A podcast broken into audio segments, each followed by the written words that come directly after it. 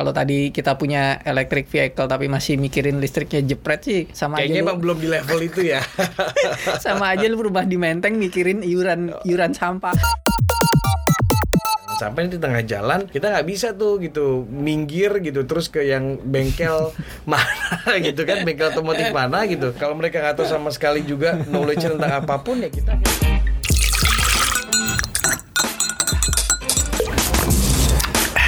Ngeteh, ngebahas teknologi.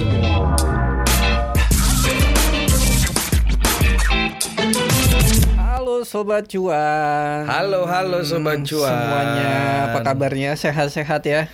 Sehat. Akhirnya tayang sehat lagi semuanya. nih. Akhirnya tayang lagi ya setelah jeda beberapa lama. Lo nya sibuk sih. Ih, lu.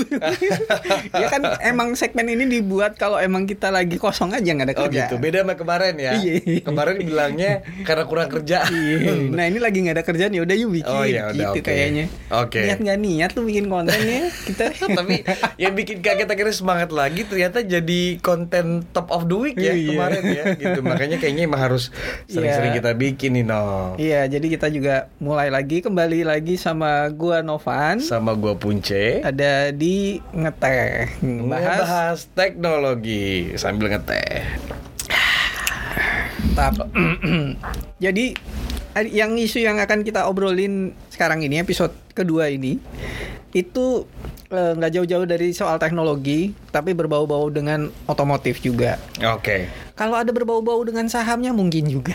Pasti ada. Ada Karena banyak perusahaan ini TBK juga. Ah. Walaupun ya ada sih yang listing juga di Indonesia ya. Iya, apalagi Ah. nanti kalau materi-materi baterainya ini itulah ya. Oh Nah, iya, itu kan nanti jadi yang punya source uh, komoditas tertentu yang besar tuh Iya. itu bakal cuan Hmm. banget juga tuh. Harus Soal diantisipasi pokoknya dari sekarang. Soal mobil, listrik. Nah, kenapa kita bahas mobil listrik? Karena eh, ada beberapa faktor ya sebenarnya ya. Kemarin kan terakhir tuh lagi rame berita nih, termasuk Hmm. beritanya CNBC sih, yang sebut katanya ternyata Tesla pilih India daripada Indonesia. Nah. Oh. Ini yang kena prank Luhut apa siapa? Enggak, tapi tapi banyak juga yang bilang gini kan, eh, kan memang di Indonesia masuknya itu bukan sebagai pabrik buat yang ngerakit mobilnya. Benar, jadinya ya. Tapi memang Supplier lebih baterai. ya lebih fokus ke apa pabrik buat baterainya Iya. gitu. Karena cadangan nikel di Nikelnya. Indonesia yang besar gitu. Jadi ya memang kalau kita lihat mungkin aja India yang dipilih untuk rakitnya, tapi kalau baterainya tetap jadi Indonesia ya masih oke lah masih gitu nggak apa-apa lah ya. paling nggak paling nggak sahamnya masih akan tetap. Ternyata kalau misalnya ngomongin mobil listrik mungkin sobat cuan nggak terlalu sadar. Mhm. ya sobat-sobat cuan yang milenial gitu mungkin masih berpikir bahwa mobil listrik itu pionirnya adalah Tesla gitu ya. identiknya dengan Tesla Mhm. Elon Musk Ya. padahal zaman dulu tahun 1830-an Oh bahkan udah ada tahun dulu ya. udah ada justru itu mungkin kayak zamannya Diponegoro perang Diponegoro kali kita ya masih ya yang jelas gue belum lahir. Ternyata tuh mobil listrik itu justru mobil pertama yang dikembangkan Oh, di gitu. barat. Benar. Jadi tahun 1830-an ke atas itu 40% mobil yang ada di jalan-jalan itu 40% mobil listrik sebenarnya. Mobil baterai Oke. yang digerakkan oleh eh, baterai. Mhm. Terus kemudian steam, Ya, tenaga uap, uap. ya. Hmm. Kalau Kereta kalau- juga ada tuh ya pakai uap. Nah, ya. iya kan kalau pernah kalau sobat cuan ada adegannya film apa Sherlock Holmes yang abad-abad berapa gitu Hmm. ada mobil yang pakai steam gitu kan. Nah, itu terus baru eh, oil. Oke. Jadi perkembangannya memang ternyata Listrik eh, dulu. listrik sudah ada zaman dulu. baru BBM. Baru ke BBM Hmm. karena penemuan minyak itu kan baru booming di eh, early 1900-an gitu kan. Oke. Nah, ternyata si eh, mobil listrik ini memang ternyata kalah dalam perkembangan zamannya itu kalah sama mobil Berbahan bakar fosil. berbahan bakar fosil itu karena jarak tempuh. Oke. Dulu itu kan kayak orang-orang kayak bangsawan gitu eh, kayak naik kayak naik golf car. Ya, ya, ya. gitu ya. kan kayak golf Nggak car yang jauh ya, sekarang nggak jauh aja gitu, gitu. kan cuma deket aja ke sana Mm. karena di dalam kota gitu kan nggak Iya. berpikir keluar kota gitu Mm. dan juga mereka masih pakai sifatnya baterai-baterai yang kecil gitu nggak ter nggak nggak semua bisa di charge recharge juga gitu kan Mm. kayak ya kayak mainan gitulah nah sampai akhirnya minyak ditemukan terus Ford pendiri Ford ya apa company itu Mhm. dia berpikir mau oh, gimana caranya memproduksi massal sebuah mobil dan dengan eh, daya tempuh yang lebih jauh. Oke. Hmm, makanya di kemudian mobil berbahan bakar ini yang akhirnya lebih Akhirnya teknologinya dari listrik gitu ya ke BBM. betul. Nah, terus kemudian ke sini mulai orang berpikir oh dilistrikin lagi. Mm-mm. Kayak historis Kayak apa ya? Kayak kalau kalau banyak kan orang berpikir sejarah tuh berulang gitu Nah. ya. Kalau kita ngelihat fashion kan gitu tuh ya, gitu ya. Trennya eh kok balik lagi ke zaman 70-an atau 80-an. Iya. Ternyata teknologi juga gitu ya. Hmm. Dan ntar Liverpool juara lagi berulang lagi nggak? Aduh. 30 tahun lagi itu baru juara lagi nggak ya? itu aduh itu itu no komen dulu. gitu sobat cuan. hampir kan hampir. Oh, hampir ya. Ah. Gitu sobat cuan. Jadi baru ke sini-sini mungkin memang pionirnya Elon Musk. Ternyata Ya. Elon Musk ini memang disebut pionir karena dia yang kemudian berusaha bagaimana caranya supaya baterai ini bisa mengalahkan jarak tempuhnya bisa mengalahkan si fosil fuel BBM, ini oke. gitu BBM ini jadi nggak Hmm. kalah gitu sehingga akhirnya untuk diproduksi massal itu Ya. bisa kompetitif harganya bahkan kemudian pabrikan-pabrikan lain pun juga mulai ngikut nih Mm-mm. meskipun tahun era 90-an juga di Amerika juga ada mobil-mobil listrik Oke, gitu ada yang awal-awal tuh hybrid dulu ya sebenarnya. Iya, Ah, kayak hybrid. Toyota Prius gitu kan. nah iya tuh itu kan juga kendalanya sama aja sih Iya. sama Nah. juga soal jarak Tapi balik lagi kalau misalnya kita lihat sejarah berulang gitu ya, berarti artinya pada saat sekarang ini mungkin manusia ngerasa bahwa eh ternyata baru sadar gitu setelah mungkin ya berarti berapa 100 tahunan ya. Hmm. 100 tahunan bahwa ya kalau kita ngelihat reserve-nya oil ini kan masih cukup banyak Iya. sebenarnya gitu. Hmm. Tapi ternyata dampak dari si BBM ini ke lingkungan itu yang Yes. lebih besar gitu yang jadi concern dari masyarakat global juga dunia sekarang gitulah. Itulah mungkin akhirnya yang bisa dilihat celah bisnis karena kan paling jago nih ya Elon Musk lihat-lihat celah bisnis yang orang lain gak lihat, yang orang lain tuh pasti melihatnya di awalnya ini it's very controversial gitu ya. Apa yang dia omongin, apa yang dia tweet gitu ya kayak nggak masuk akal. Tapi semuanya jadi apa ya jadi kenyataan jadi orang-orang malah pengen pakai produknya yang dipakai sama Elon Musk. Terakhir Clubhouse kan? Gitu loh. Itu kemarin kita sempat bahas di koneksi. Iya. sampai ada yang bilang ini Elon Musk dulunya cheerleaders apa ya? Jadi tukang ya. tukang pom pom juga. Iya soalnya apa yang apa yang dia omongin gitu ya jadi tren gitu. Nah Hmm. akhirnya sekarang berkembang. Tren pun juga eh, semua pabrikan otomotif dunia itu mulai berlomba-lomba. berlomba-lomba gitu bikin bikin mobil listrik gitu. Bahkan yang premium premium pun gitu yang kita Iya. berpikir eh, ngapain ya kan kadang kalau kita pakai mobil itu eh, ya nggak bukan hari-hari kayak kita gitu buat ke kantor gitu atau buat ke mall gitu atau buat kegiatan gitu ya. Tapi ternyata mereka juga eh, beralih teknologi ke listrik gitu karena dampak lingkungannya dan juga trennya ya. Balik Iya. lagi karena permintaan yang meningkat dari dari manusia yang di muka bumi ini yang semakin mungkin aware dengan lingkungan meminta untuk eh tolong dong diperbanyak si mobil listrik ini gitu. Iya. Jaguar lah, terus ada Ferrari, ada juga gitu tuh pada ngeluarin mobil listrik semua gitu.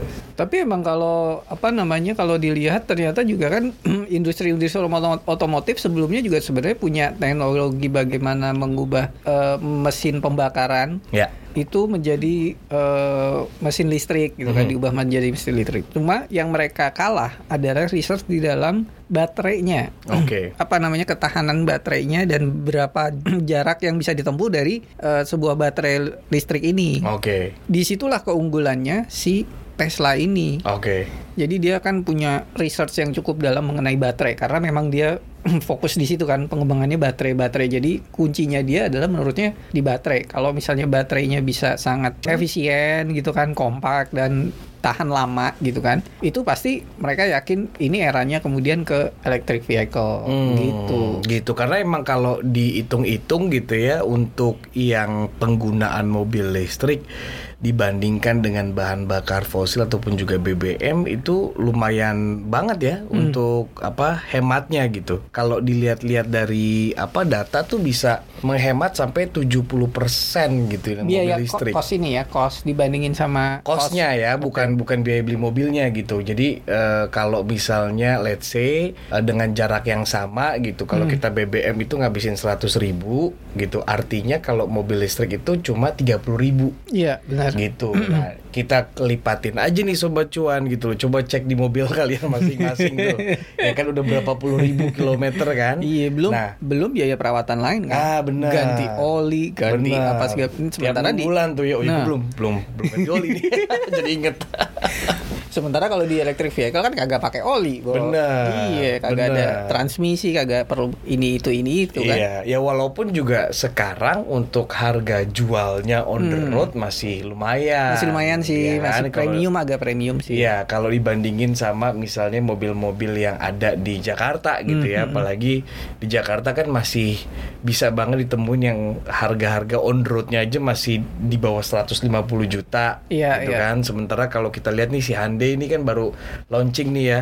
Hmm. Ada dua varian di Jakarta gitu. Dari hasil gua lihat-lihat browsing-browsing masih di atas 600-an no, 600 juta. Hmm. Iya, gitu. iya, iya. Jadi bisa Itu dapat termasuk berapa tuh? tergolong yang premium ya. Iya, bisa dapat berapa Avanza tuh? Iya. tiga setengah ya tiga setengah duanya bisa buat ini buat jadi grab atau gokar gitu ya Nah, memang kan rencananya juga bakalan dikasih insentif-insentif sebenarnya Hmm. untuk pemakaian ini ya. Cuma kalau kalau lu pikir sendiri kalau misalnya di Indonesia ini seberapa ini sih infrastrukturnya kalau menurut lu pandangan lu sudah siapkah kita menggunakan mobil listrik?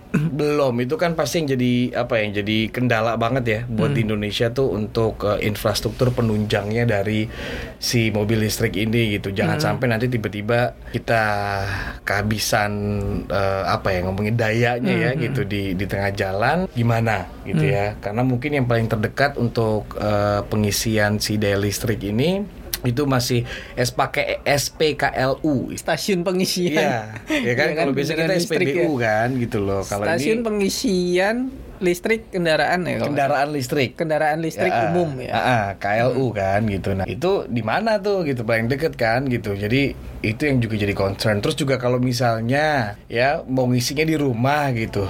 Buat di rumah cukup nggak? ya kan? Jangan-jangan jangan-jangan pas dua AC nyala gitu terus Ngecas. microwave nyala, ngecas mati. Jepret. Nggak cukup jepret kan istilahnya. Gue lagi masak nasi. atau turun ya tinggal dinaikin lagi kan tuh biasa kalau di rumah-rumah Eh, biasanya ini mah jepret gara-gara nyalain rice cooker sama setrikaan ini gara-gara ini udah jepret. nah itu dia tuh harus dipikirin kan di Indonesia makanya mungkin akhirnya juga banyak sobat cuan gua pun juga gitu ya masih mikir banget gitu untuk untuk mengganti ke mobil listrik. Kalau lo gimana? Ada nggak eh, rencana gitu dalam waktu dekat atau mungkin eh, mobil selanjutnya lo gitu ya? Ya gue nabung aja deh Iya, iya. gitu agak-agak lamaan gitu sekalian. Karena kan banyak yang bilang juga ini long term investment memang jatuhnya mobil listrik ini. Karena balik lagi yang gue bilangin hematnya itu 70% Ya. kalau misalnya di compare sama eh, mobil BBM gitu. Jadi kalau buat long runnya gitu untuk untuk pemakaian yang lama justru jatuhnya akan lebih hemat gitu dibandingin beli mobil yang harganya mungkin sepertiganya dari harga mobil elektrik gimana Nov? Kalau kalau gue sih secara personal memang ya pengen pengen aja sih pengen ya pengen Mm-mm. dalam artian kayak Siapa sih kayaknya nggak pengen juga ya kan? iya kayaknya juga ini juga jadi sesuatu yang baru lah Mm. buat kita kan Mm. Mulai dari gaya hidupnya cuma memang perlu disesuaikan kemampuan dalam art- eh, dalam artian kemampuan listrik Mm-mm. di rumah juga Ya. kan kalau tadi kita punya electric vehicle tapi masih mikirin listriknya jepret sih sama Kayaknya aja lu- emang belum di level itu ya. sama aja lu berubah di menteng mikirin iuran iuran sampah Atau iuran ke, ke keamanan. keamanan Atau token listrik Hmm, mungkin. nah. Sobat cuan, ayo dicek token listriknya. jadi jadi memang sosialnya memang akan akan ada perubahan kebiasaan kalau di Indonesia itu ngantri-ngantri di SPBU itu kan udah biasa ya Ya, kita dulu sering dengar kan kalau misalnya ketika ada oh BBM langka wah yang ngantri tuh di daerah kayak gimana betul. lu bayangin kalau misalnya itu semua mobil listrik ngantri untuk ngecas Gak bisa pakai power bank soalnya, Bro. iya power banknya se- seberapa orang kita udah naikin power bank itu di situ Iya, kan makanya akhirnya kecukupan eh, supply listriknya pun juga penting Iya. banget kan.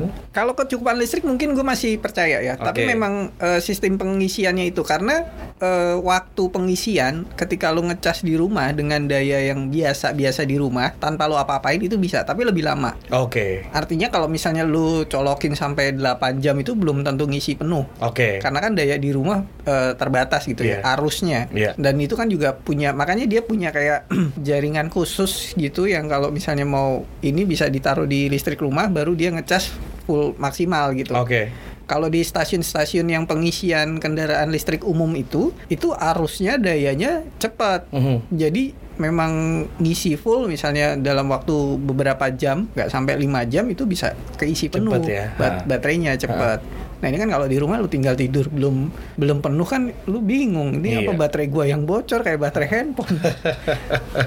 kan Nah, gitu. cuma jadi masalahnya kalau nggak tahu ya, lo lo tahu nggak gitu kalau di luar gitu ya. Kalau di Indonesia itu nanti pada saat kita ke stasiun pengisiannya, Hmm. itu di charge-nya per apa ya? per KWH. Per kWh. Benar, sama kayak penggunaan listrik. Oke. Jadi per KWH-nya itu kalau dari PLN nih ya, kalau dari catatan gua itu sekitar 2000-an. Oke, 2000 perak ya, 2000 rupiah ya. 2000 2004 2500 lah dengan pajak misalnya satu KWH. Sementara Oke. kalau misalnya ngisi itu kalau nggak salah yang dari mobil yang lu sebutin itu butuh 38,3 KWH. Oke. Kalau dikali 25.000, 2500 eh 2500. ya kan nggak sampai nggak sampai 100 ribu dong. Oh iya, berarti nggak sampai 100 ribu. Sementara kalau Iya gue kan? ngisi itu udah bensin, full 100%. 300 ribu tuh baru. Nah, Nah, lu kalau full 300 ribu kan? 300.000, ha. Jaraknya, jarak tempuhnya Aduh, gua nggak ngitung jarak Nah. tempuh sih, tapi biasanya hari sih gue. Biasanya Berapa hari lu? maksimal enam hari biasanya. maksimal 6 hari ya. Ah, ah. Itu udah juga nggak nggak terlalu moving banget ya. Enggak, paling paling rumah kantor rumah kantor aja. Hmm, Kalau di listrik ini dari 38 kWh itu dia bisa nempuhnya 380 kilo. Wow. Itu kan ini banget. jauh banget jaraknya. Ibarat kata kalau seminggu lu cuma spend 100 ribu Ya. untuk jarak ya dalam kota gitu kan. Mhm. Bolak-balik sampai rumah nggak perlu ngecas lagi. Iya. Itu 380 kilo Jakarta mana tuh ya? Kok tadi berapa? Tiga berapa? 39 80 ya? 380-an lah. Jakarta mana? Pekalongan Kalau ya? 380 ya mungkin eh, Jakarta Pekalongan ya. Jakarta Pekalongan ya. Ah. Oh, itu udah lumayan banget. Iya, kita Iya kan? kita biasanya kalau kalau pakai tol Trans Jawa itu di mana di Cirebon juga udah ngisi bensin lagi kan biasanya Iyalah, kan. masa- Iya. Ah. Harus ngisi lagi mau nggak mau. Itu Mm-mm. termasuk e- ekonomis. Iya. Ekonomis dan dan ternyata juga suaranya tuh nggak ada suaranya cuy. Betul hening banget katanya ya. Hening banget. Makanya Ah, ah. gue juga bingung Formula E itu yang dinikmati apanya? Eh apa kabar Formula mobil listrik?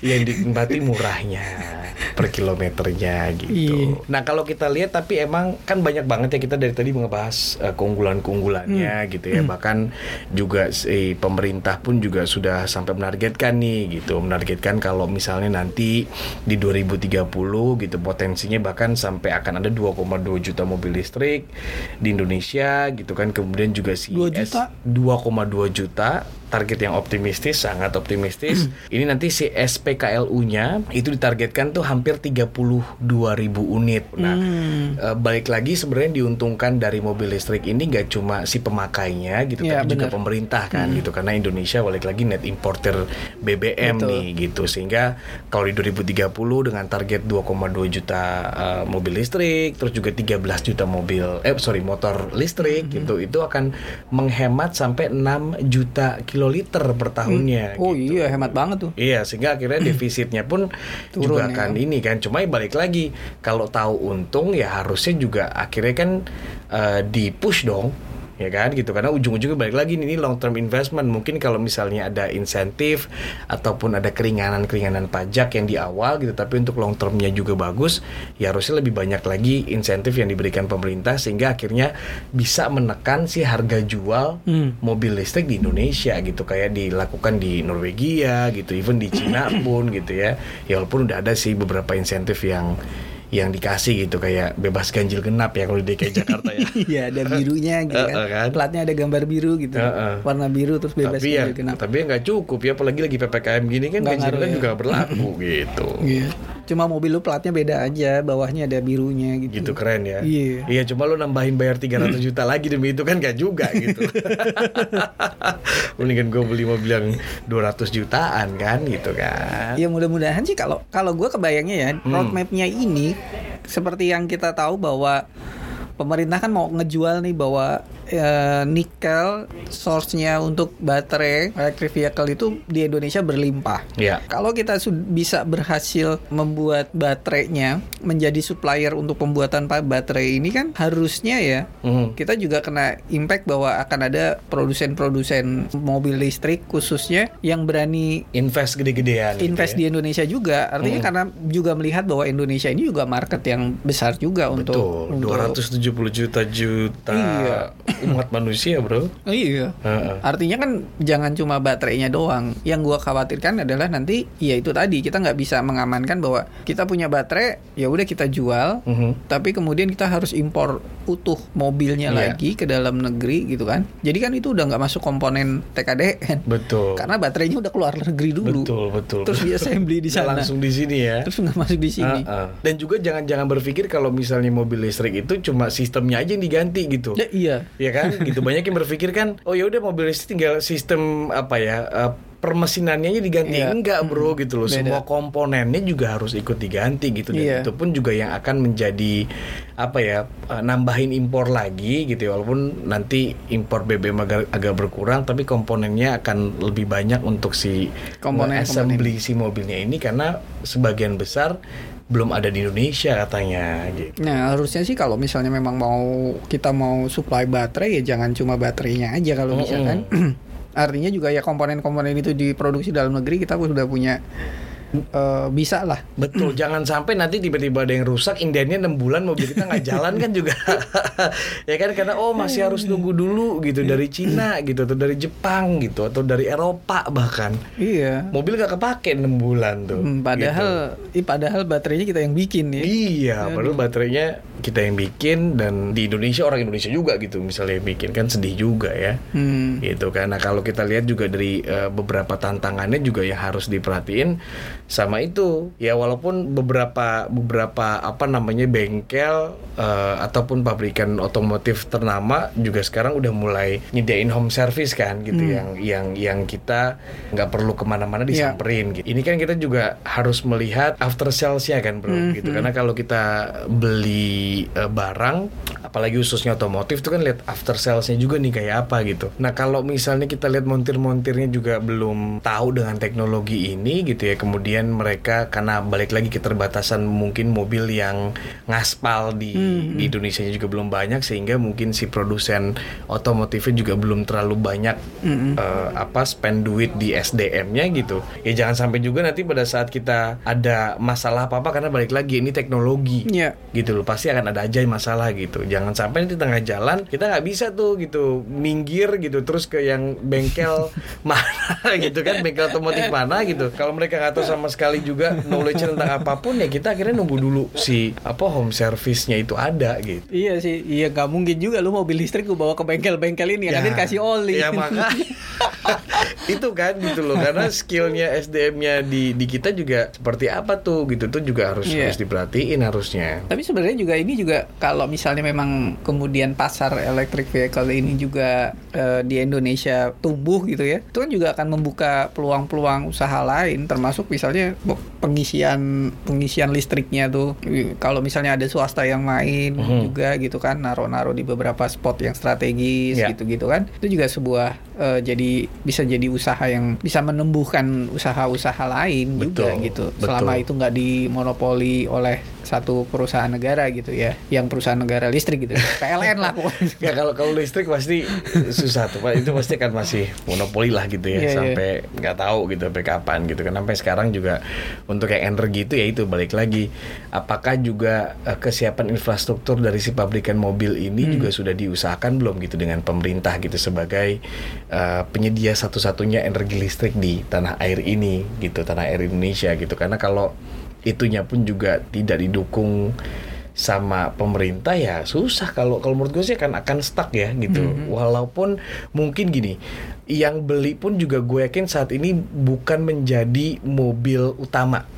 Ngerti Oh, gak lo? gitu. gitu loh. Bahwa kalau menurut gue gitu ya dari beberapa apa namanya analisis gue gitu orang-orang yang beli mobil listrik saat ini gitu atau bahkan sudah punya gitu itu biasanya masih mobil kedua gitu atau mobil ketiga gitu yang yang mereka ya pengen aja punya mobil listrik karena gue kaya gitu kan karena gue mampu beli gitu. Tapi bukan yang benar-benar bisa dipakai harian gitu karena Oh. mobil hariannya masih yang pakai bahan bakar fosil gitu. Karena itu balik lagi. Ya karena mereka kaya bisa beli bayar bensin. gitu kan dan dan mereka nggak peduli nggak butuh gitu loh. Gue mobil ini ya udah buat pajangan iya. doang gitu misalnya jadi dia nggak nggak yang tiap hari nyetir jadi kan ya kalau barang kalau setiap hari dipakai pasti potensi untuk ada kerusakan gitu ya untuk ada glitchnya karena Hmm. balik lagi ini teknologi kan semakin besar gitu sehingga mereka nggak worry-worry banget nah gimana yang kayak memang mobil listrik ini dipakai buat mobil utama gitu itu kan tiba-tiba ada apa-apa ya itu balik lagi after sales yang masih ditakutin Hmm. Hmm. Masih masih ma- masih ragu terhadap part yang sebelah situ ya kalau misalnya ada apa-apa. Betul, Memang karena kalau misalnya Hmm. mobil-mobil konvensional Hmm? Ya kita mah gampang aja bawa ke bengkel pinggir jalan juga oprek-oprek-oprek gitu Iya. kan karet karet diganti karet gelang apalagi apalagi dengan dengan dengan pabrikan mobil eh, top 2 di Indonesia itu ya Iya. gitu ya. itu pasti semua montir juga udah bisa Iya. tuh udah jalan lagi mobil lo dijamin gitu ya tinggal Montir milih pinggir jalan mau aja yang, udah. mau yang ori apa mau yang Iya montir pinggir jalan aja udah bongkar gitu Iya, kan nggak usah pakai ini pakai isolasi lah yang penting jalan dulu mas sampai rumah gitu Iya. kan nanti di rumah baru atau sampai di Di- bengkel benerannya baru di diberesin dilem gitu. aja dulu kayak kayak gini. Iya. Nah, lu bayangin kalau misalnya mobil listrik treatmentnya kayak gitu juga ya. Iya makanya gitu. Balik lagi Iya, karena ini teknologi kan. Hmm. itu teknologinya kan juga yang ya lebih advance lagi nih. Karena kalau lo cerita tadi zaman 1800-an udah ada gitu kan itu mungkin belum advance gitu. Jadi kalau gua kebayangnya mobil listrik zaman dulu tuh masih pasti masih bulky banget buat Iya. si baterainya gitu ya. Terus juga mikirnya tuh kayak dinamo kayak genset gitu kan sih? Iya, teknologinya iya, iya. itu masih masih basic gitu. Nah gimana